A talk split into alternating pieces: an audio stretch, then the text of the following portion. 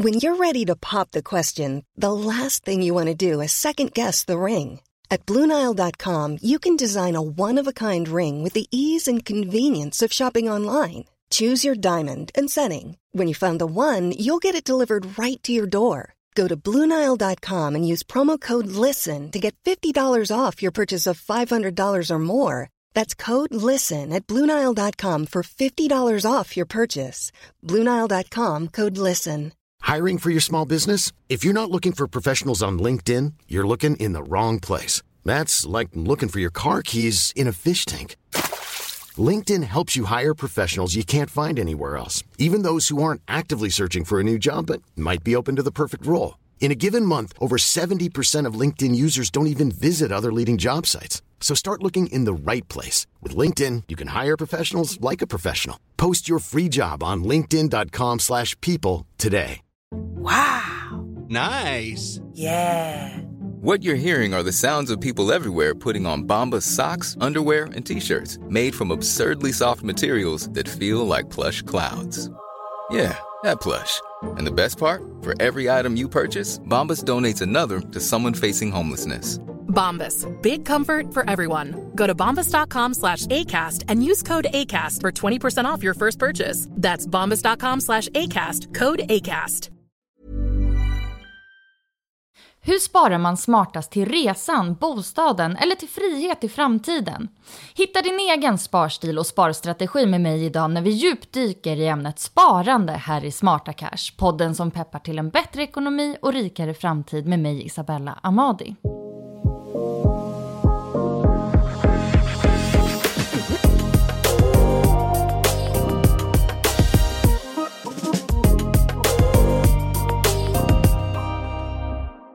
Ja, vi befinner oss ju som bekant i ett läge med en dyrare vardag och nya räntehöjningar och därmed blir väl ändå sparandet allt viktigare för många. Med mig idag för att snacka just sparande är Ami Berglund som är privatekonomisk analytiker på SEB. Välkommen Ami! Hej, tack så mycket! Jätteroligt att ha med dig idag. Eh, du har ju koll på privatekonomins alla delar idag. Och sparande är ju våran topic såklart. Och då måste jag ju börja med att fråga, är du själv en sparnörd? Ja, men det skulle jag säga. Jag tycker att det är väldigt roligt att se att eh, pengarna växer och försöka utmana mig själv i att hur mycket kan jag spara? Eh, vi har lite av en tävling, jag och min sambo hemma. Vem, vem lyckas spara mest? Eh, även om, som du säger, nu är det ju lite tuffa tider så att det, man får dra ner på det. Men eh, i den mån man kan så absolut. Okej, vinner du den spartävlingen? Det är ganska jämnt faktiskt. Men eh, vi har lite olika sätt att spara på, eller man ska säga. Så det, är, det är lite 50-50. Varannan gång ungefär, varannan månad. Mm. Vad är dina liksom sparhacks för att lyckas vinna för honom? Ja, men det viktigaste är ju att ja, men, spara först innan du konsumerar. Så man inte hamnar där i slutet av månaden och eh, eh, konsumerat upp alla pengar utan att man börjar med själva sparandet. Och sen att jag har satt upp ganska, i början av året brukar jag sätta upp ganska tydliga mål för hur mycket jag vill spara på olika sätt eller i olika sparformer för att hålla liksom, motivationen uppe. Och då sparar man sig själv också, att tänk om jag kan slå det här sparmålet som jag har satt upp. Vilket också gör att ja, men då, då ser jag verkligen till att få till det där. Så du sparar egentligen, alltså tävlingen är både egentligen mot honom och dig själv? Ja, men lite så. Absolut. Ja, vad kul. Ja, eh, alltså det är också roligt alltså, om man tittar på sparandet i stort i Sverige. För ni på SEB gör ju den här uh, sparkollen som tar tempen på hur vi sparar, vi svenskar. Eh, och den senaste undersökningen som jag slängde ett getöga på visar ju att sparandet föregående kvartal eh, jämfört med föregående kvartal har gått ner. Eh, men det visar också att den, en större andel av hushållen planerar att öka sitt sparande det kommande halvåret. Alltså vad säger det om oss och vårt sparande och nuläget i ekonomin? Ja men precis, och jag, jag måste säga att vi är ganska positivt överraskade över hur det ser ut. För generellt så sparar man ganska mycket och man vill verkligen försöka upprätthålla sparandet. Eh, och vi är också ett sparande folk i Sverige. Nio av tio har ett månadssparande, vilket är jättebra. Så det här mindsetet att man vill spara, det finns ändå där. Och även om det är tuffa tider nu när man kanske inte kan spara lika mycket, just då, som du sa, sparandet har gått ner lite, så har man ändå viljan att jo, men när jag kan spara mer, då vill jag också göra det. Ehm, och det visar ju också på att det finns en motståndskraft ändå hos hushållen, att de kan spara ehm, och gör det. Men man ska ju också ha med sig att det är en heterogen grupp. Det finns ju absolut extremer åt olika håll. Ehm, där man absolut får ödmjuk för att det finns väldigt många som inte har den möjligheten. Och det är ju också okej okay, och det är ju fullt rimligt när vi är i ett sånt läge som vi är i just nu, att man inte, faktiskt inte har möjligheten att spara. Ja, det har ju verkligen blivit dyrare för hushållen, så det är ju inte omöjligt att det är just sparandet som man just eh, drar ner på i de här tiderna. Absolut. Mm. Men varför är det så viktigt att spara?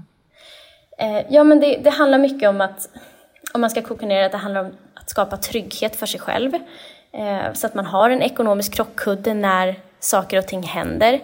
Och det är ju lite så att den här bufferten som vi oftast pratar om, det är ju när det är bra tider, eller goda tider, när man har eh, mer pengar att röra sig med. Det är då man ska försöka bygga upp bufferten för att sen ha de där pengarna att kunna använda sig av när det är sämre tider som det är nu. Eh, just för att ja, men då har man kanske inte lika stora möjligheter att kunna spara och det blir även kanske svårt att klara av vissa räkningar eller sånt där. Men sparande handlar ju också väldigt mycket om möjligheter för att vi vill ju göra massa saker i livet. Vi vill kanske köpa en bostad, vi vill resa, kanske starta företag, kostar också pengar. Kanske gå i pension när vi vill och kunna göra det vi vill göra när vi väl går i pension. Så det är ju en stor möjliggörare. Och dessutom någonting som vi pratar mycket om det är jämställdhet och jämställd eh, ekonomi. Och det är ju också så att tyvärr så finns det statistik som visar på att många kvinnor inte känner att de har råd att lämna en relation för att de klarar inte det rent ekonomiskt. Så det är också ett, man brukar prata om ett frihetskapital, det är också en möjlighet för att faktiskt kunna bestämma över sitt eget liv och hur man vill leva det och med vem man vill leva det. Mm. Gud ja, eh, och det där får man verkligen rysningar av att det blir pengar som styr ens eh, eh, ja, men relation eller liv och möjlighet till hur man ska leva. Eh, men spara, så spara, spara vill vi göra. Eh, speciellt alla som lyssnar på den här podden gissar jag. Eh, vad tycker du att man ska tänka igenom eller ställa sig själv för frågor när man ska ta fram en bra sparstrategi? Det första man bör ställa sig det är lite, okej okay, men vad är syftet med mitt sparande? Är det är buffert? Är det till pensionen? Är det till en kontantinsats till exempel? och därigenom så sätter det lite tidshorisonten. Ehm, Pension, ja men det kanske är 40 år framåt. Då behöver du göra på ett helt annat sätt än om du behöver ha pengarna lättillgängliga om det plötsligt inträffar någonting.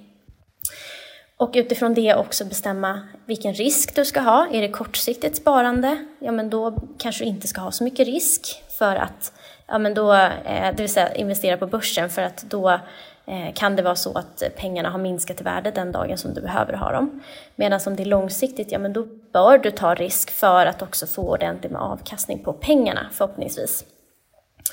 Och utifrån det då också sätta något form av mål. Vare sig det handlar om att sätta ett slutmål i form av att okej, okay, jag ska spara ihop 100 000 kronor eller jag vill spara 1000 kronor i månaden eller vad det nu handlar om.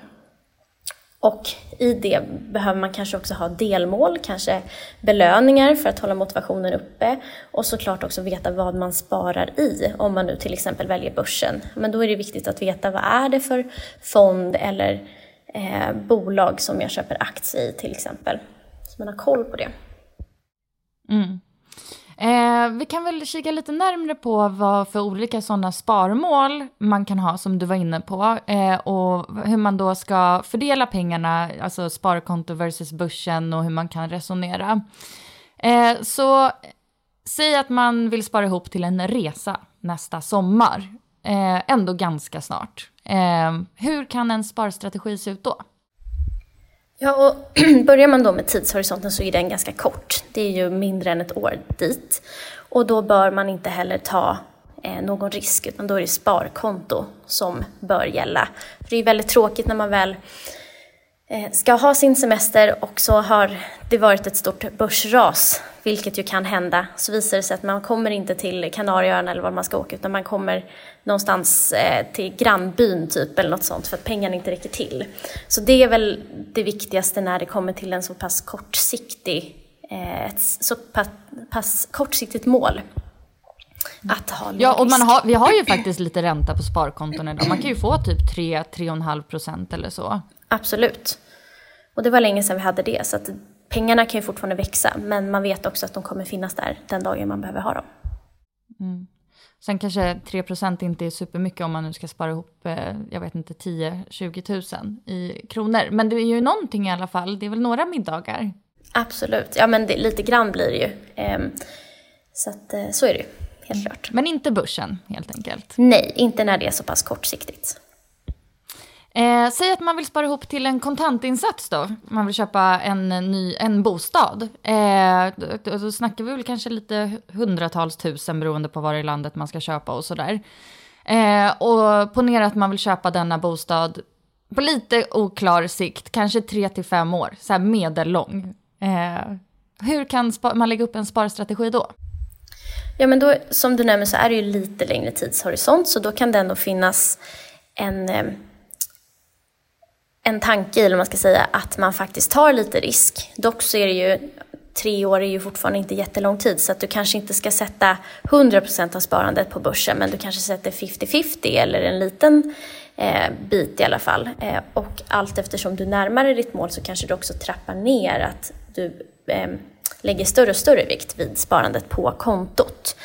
Eh, och här blir det också en fråga så om... Så man plockar hem vinsten där på vägen? Ja, precis. Men också det du månadssparar kanske du sätter mer på kontot. Men här blir det också en fråga om hur riskbenägen du är. Och hur, nu pratar vi om tre till fem år, vilket ju är lite flytande. Det spelar också roll kontra om det är så att ja, men jag måste köpa exakt om tre och ett halvt år. För att är det lite flytande, ja men då kanske du också kan anpassa dig lite, att avvakta lite till om det är så att börsen har gått sämre eller att man eh, plockar hem vinsten om det har gått väldigt bra. Eh, så det, det spelar också roll. Och, och, här blir det ju också en fråga om hur mycket behövs då? Man kanske bör, behöver börja bakifrån lite att okej, okay, så här mycket ungefär tror jag att jag kommer behöva. Jag har ju då tre till fem år på mig. Hur mycket måste jag då spara varje månad?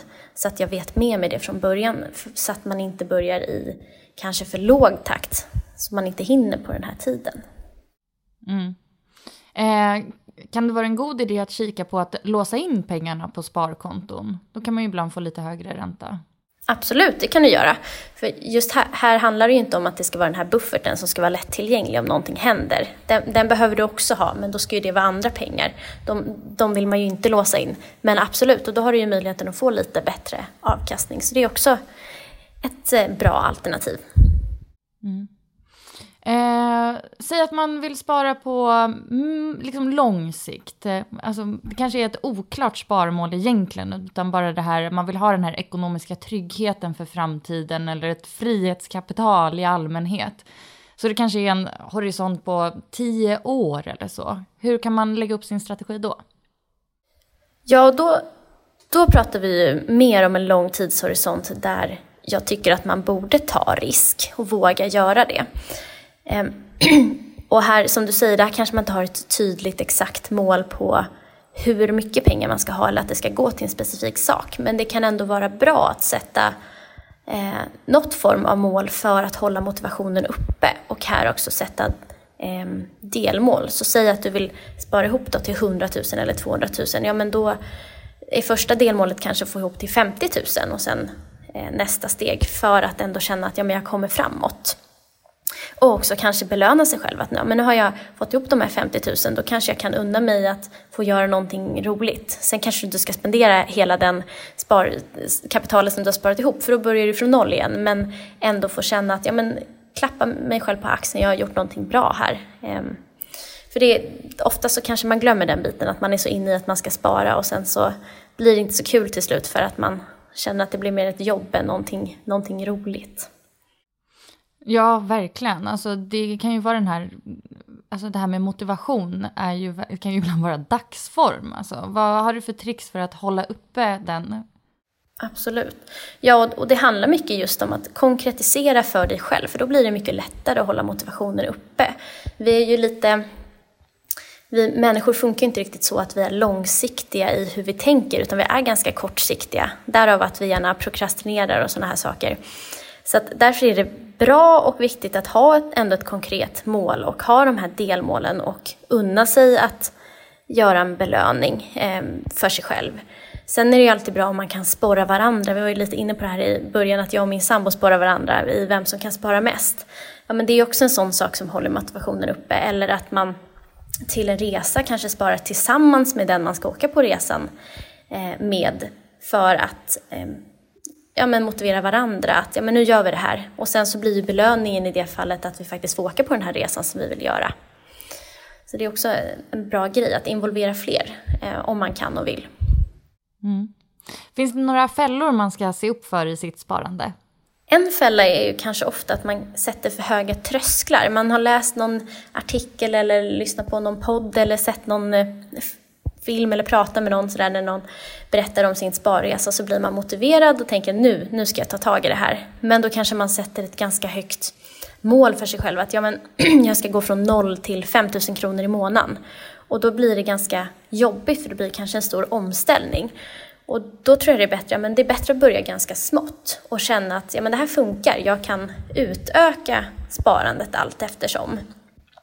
Och även som vi var inne på i början, det här med att konsumera först och spara sen är något som många gör. Men om du sparar först, då är det också mycket enklare. Och dessutom om du använder dig av autogiro till exempel. När eh, lönen kommer, ja men då sker en automatisk överföring till ett sparkonto. För då behöver du inte ens fatta det beslutet, utan då sker det per automatik. Och vi är ju flockdjur så att vi tenderar att följa flocken och ser man att börsen går upp och börsen går bra, ja men då vill man in på börsen medan går börsen ner då vill man gärna lämna börsen för att man ser att andra gör det. Man hör kanske folk runt omkring sig som sa att nej men nu sålde jag för jag tyckte det blev, det blev lite, jag förlorade lite för mycket pengar. Här är det viktigt att lita på sin egen sparstrategi.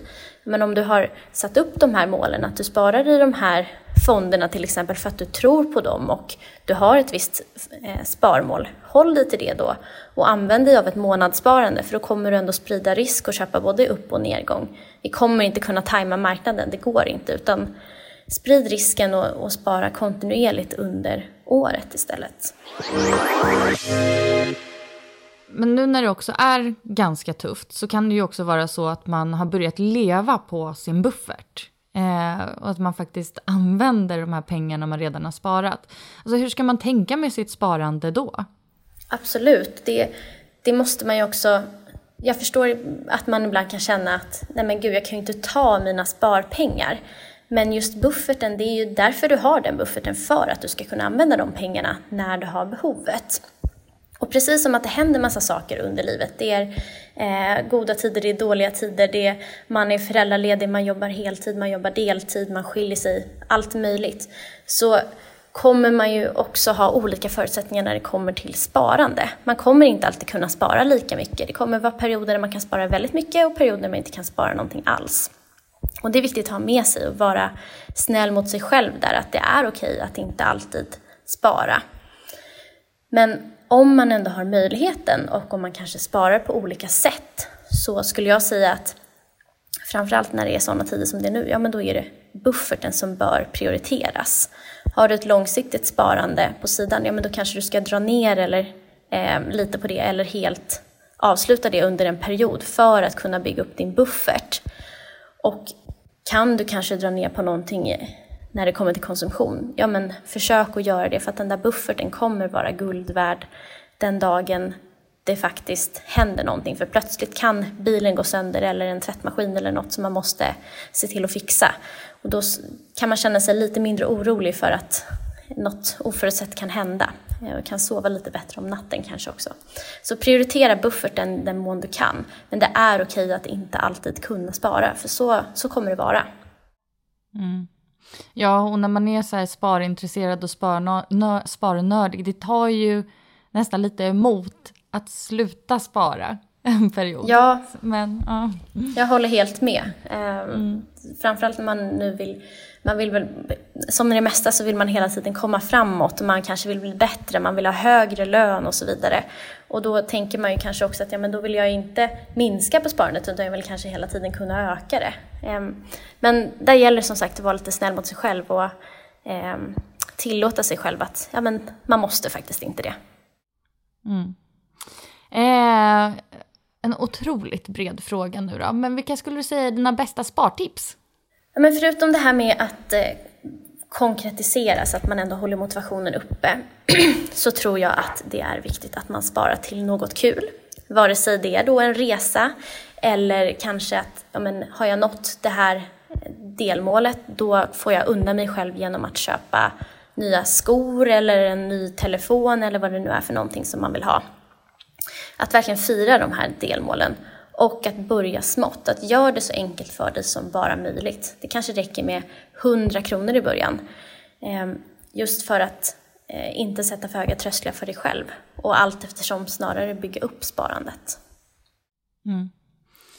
Eh, har du några så grejer i vardagen som eh, man lätt kan här, dra ner på om man vill börja, om man vill ha lite quick fix i sitt sparande, typ få in lite extra pengar för att kunna spara dem? En vanlig grej är ju oftast kanske att man äter mycket uteluncher.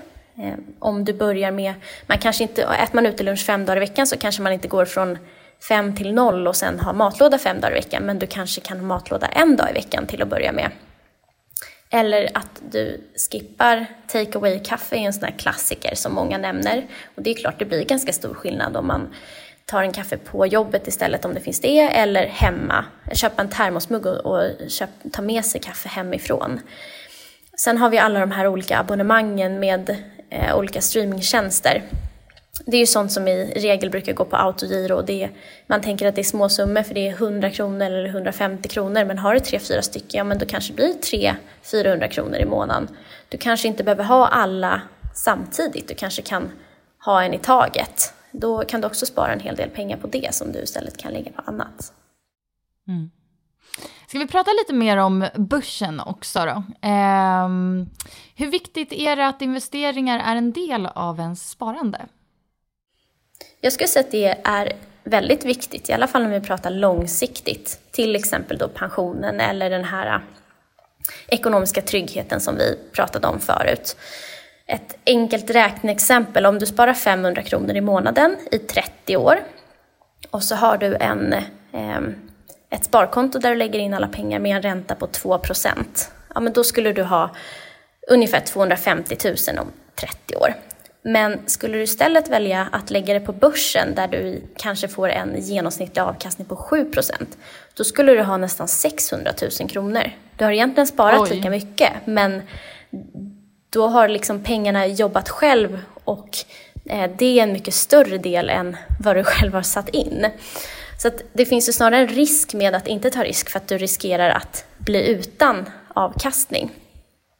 Och här, om man då pratar män och kvinnor, så kan man se att män är ju faktiskt bättre på att ta risk än vad kvinnor är. Kvinnor vågar inte riktigt på samma sätt och de kanske håller sig just till, till sparkonto. Och jag förstår att är man inte insatt eh, så kan det kännas lite läskigt eftersom man vet att pengarna kan försvinna och det känns svårt. Men, men prova lite i alla fall. Du behöver inte sätta in en stor summa, men prova med en liten del av sparandet för att testa och sätt in kanske i ett bolag som du känner igen, som du vet vad de gör så att du förstår deras affärsidé och marknaden kanske också. Eh, och allt eftersom så brukar man, man lära sig, när man ser att pengarna växer, då är det oftast kul och då vill man lära sig mer. Och det just när man pratar om ekonomisk jämställdhet så det är en sån grej där kvinnor ofta kommer efter för de har ett mycket mindre kapital än vad män har. Så det, det tycker jag absolut att det finns en stor risk i att inte våga ta sig ut på, på börsen.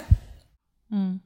Ja, och det där blir ju alltså just med mäns och kvinnors inkomstskillnader. För att då har man ju ändå lärt sig att ja, men de pengar vi lägger på börsen, det är pengar vi inte behöver här och nu. Det, det är pengar som eh, du ska ha råd att förlora. Men har man en mindre summa pengar, då har man ju också eh, en mycket mindre lekhink att eh, våga investera eventuellt.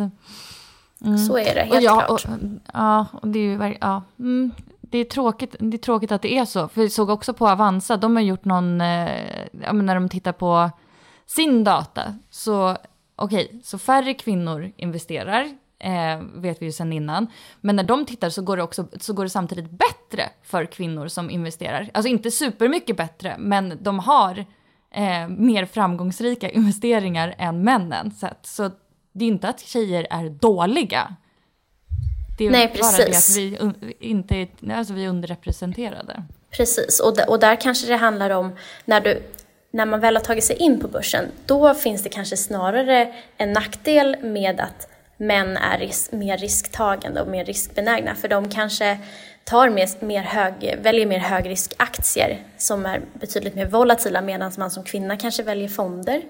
Eh, som, bara där har man ju spridit risken. Men så att jämför man en kvinna som inte alls tar sig ut på på börsen kontra eh, en man då som kanske är på börsen, ja men då, då finns det en nackdel. Men annars så kan det finnas många fördelar med att man är lite mer eh, riskavert. Men, men man ska ta sig ut där och man ska vara där. Det, det kommer eh, gynna dig i längden. Mm. Hur, hittade du, hur hittade du själv in till börsen? Dels genom att eh, ja, men, pratat lite inom familjen att ja, men det är bra med aktier och fonder och sånt där. Men jag tyckte väl också att det var lite läskigt. Så. Men sen var det en kompis som berättade att hon hade börjat spara i aktier och berättade hur det funkar lite mer. Och då tänkte jag, men jag får väl testa då. Så jag satte väl in 500 kronor tror jag och tänkte att, då pluggade jag också i Linköping, så tänkte jag men jag väljer något lokalt. Jag väljer Cloetta som ju är ett Linköpingsbolag och jag tycker om godis så att jag, jag kommer köpa deras produkter och jag fattar vad de gör. Och sen så efter någon ett par månader då hade de där 500 kronorna växt till 550 kronor och jag kommer ihåg att jag verkligen kände jäklar, nu har jag tjänat pengar här. Nu måste jag, vad ska jag nu investera i? Nu måste jag sätta in mer pengar och köpa fler Cloetta-aktier. Så där var det verkligen att intresset väcktes av att jag såg att pengarna växte. Mm. Ja, och också det här viktiga, alltså att man lär varandra. Eh, alltså att man pratar med sina kompisar och nära och kära, för det i sig blir ju en inspiration och en liten så push. Okej, men kan du investera? Men då kanske jag också kan investera. Alltså så. Absolut. Eh, vilka är dina viktigaste lärdomar då från börsen? En viktig lärdom, det är lite det som du nämnde, att ja, men man ska inte investera pengar som man inte har råd att vara utan. Ehm, eftersom att det ska vara långsiktigt och risken finns att pengarna tappar i värde. En annan är att eh, inte följa flocken utan ändå gå på det egna, den egna magkänslan. Och att kanske inte ryckas med i att ja, men de här aktierna tror vi är jättebra, det här kommer gå jättebra. Okej, men vad tror du själv? Ehm, hur, hur, tror du? Gå på din magkänsla. Det kommer och fatta egna beslut och inte bara lyssna på någon annan utan gör din egen research. Ehm, för det kommer också gynna dig i, i längden. Ja, men så det verkligen så här, försöka skaffa det där egna intresset så att man också ja. orkar göra sin research. Precis, ja men det är ju det. Och det är ju, man kan ju kolla på en mängd olika saker när man ska investera. Men, och det är lättare att kolla om man till att börja med vet vad faktiskt bolaget gör för någonting. Då har man kommit en ganska bra bit på vägen. Mm. Men vad tror du då? Kan vem som helst fixa en sparstrategi där investeringar ingår? Absolut. Idag är ju verkligen börsen för alla. Det är jätteenkelt att börja spara och det är eh, relativt billigt också. Även om det nu har blivit dyrare i år och väntas bli ännu dyrare nästa år, i alla fall när man pratar om investeringssparkonto i och med att det är baserat på statslåneräntan så, så är det ändå väldigt enkelt och eh, relativt billigt. Eh, jag förstår att det var annorlunda för kanske 20-30 år sedan när man inte hade digitaliseringen för då kanske man faktiskt behövde ringa till sin bankman som kunde genomföra en transaktion åt dig. Men idag kan du göra allting i telefonen. På gott och ont, för då finns det också risken för att man eh, tar lite väl lättvindigt på det. Men jag skulle absolut säga att börsen är för alla och det borde alla ta ta del av den. Sen är det viktigt det här med vad har du för tidshorisont, vad är syftet med sparande? Du ska inte ha din buffert på, eh, på börsen för att det måste vara lättillgängliga pengar och du vill inte att de ska förlora i värde. Men är det lite längre sikt, eh, då tycker jag absolut att du ska vara på börsen. I alla fall med en del av sparandet. Underbart. Tack så jättemycket Ami för att du var med här i podden. Tack så jättemycket. Om man liksom vill eh, ha mer av dig, har du, var hittar man dig? Ja, jag jobbar ju då på SB och vi skriver en del eh, bloggtexter bland annat som man kan hitta på SBs hemsida och vi gör en del rapporter. Eh, så att eh, det surfa in på sb.se eller sök på ekonomibloggen SB så skriver jag med jämna mellanrum där tillsammans med andra kollegor eh, kring ekonomi och annat som är bra att ha med sig. Så det, det kan jag tipsa om. Kul! Eh, och mig får man jättegärna följa på Instagram, Smarta Cash Podcast. Eh, tack så jättemycket för att du kom hit idag Ami och tack så jättemycket till dig som har lyssnat på det här. Vi hörs igen nästa vecka. Hej då!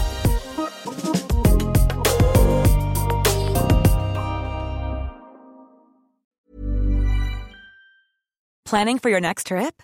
Elevate your travel style with Quince. Quince has all the jet-setting essentials you'll want for your next getaway, like European linen premium luggage options, buttery soft Italian leather bags, and so much more. And is all priced at 50 to 80% less than similar brands. Plus, Quince only works with factories that use safe and ethical manufacturing practices. Pack your bags with high-quality essentials you'll be wearing for vacations to come with Quince. Go to quince.com/pack for free shipping and 365-day returns.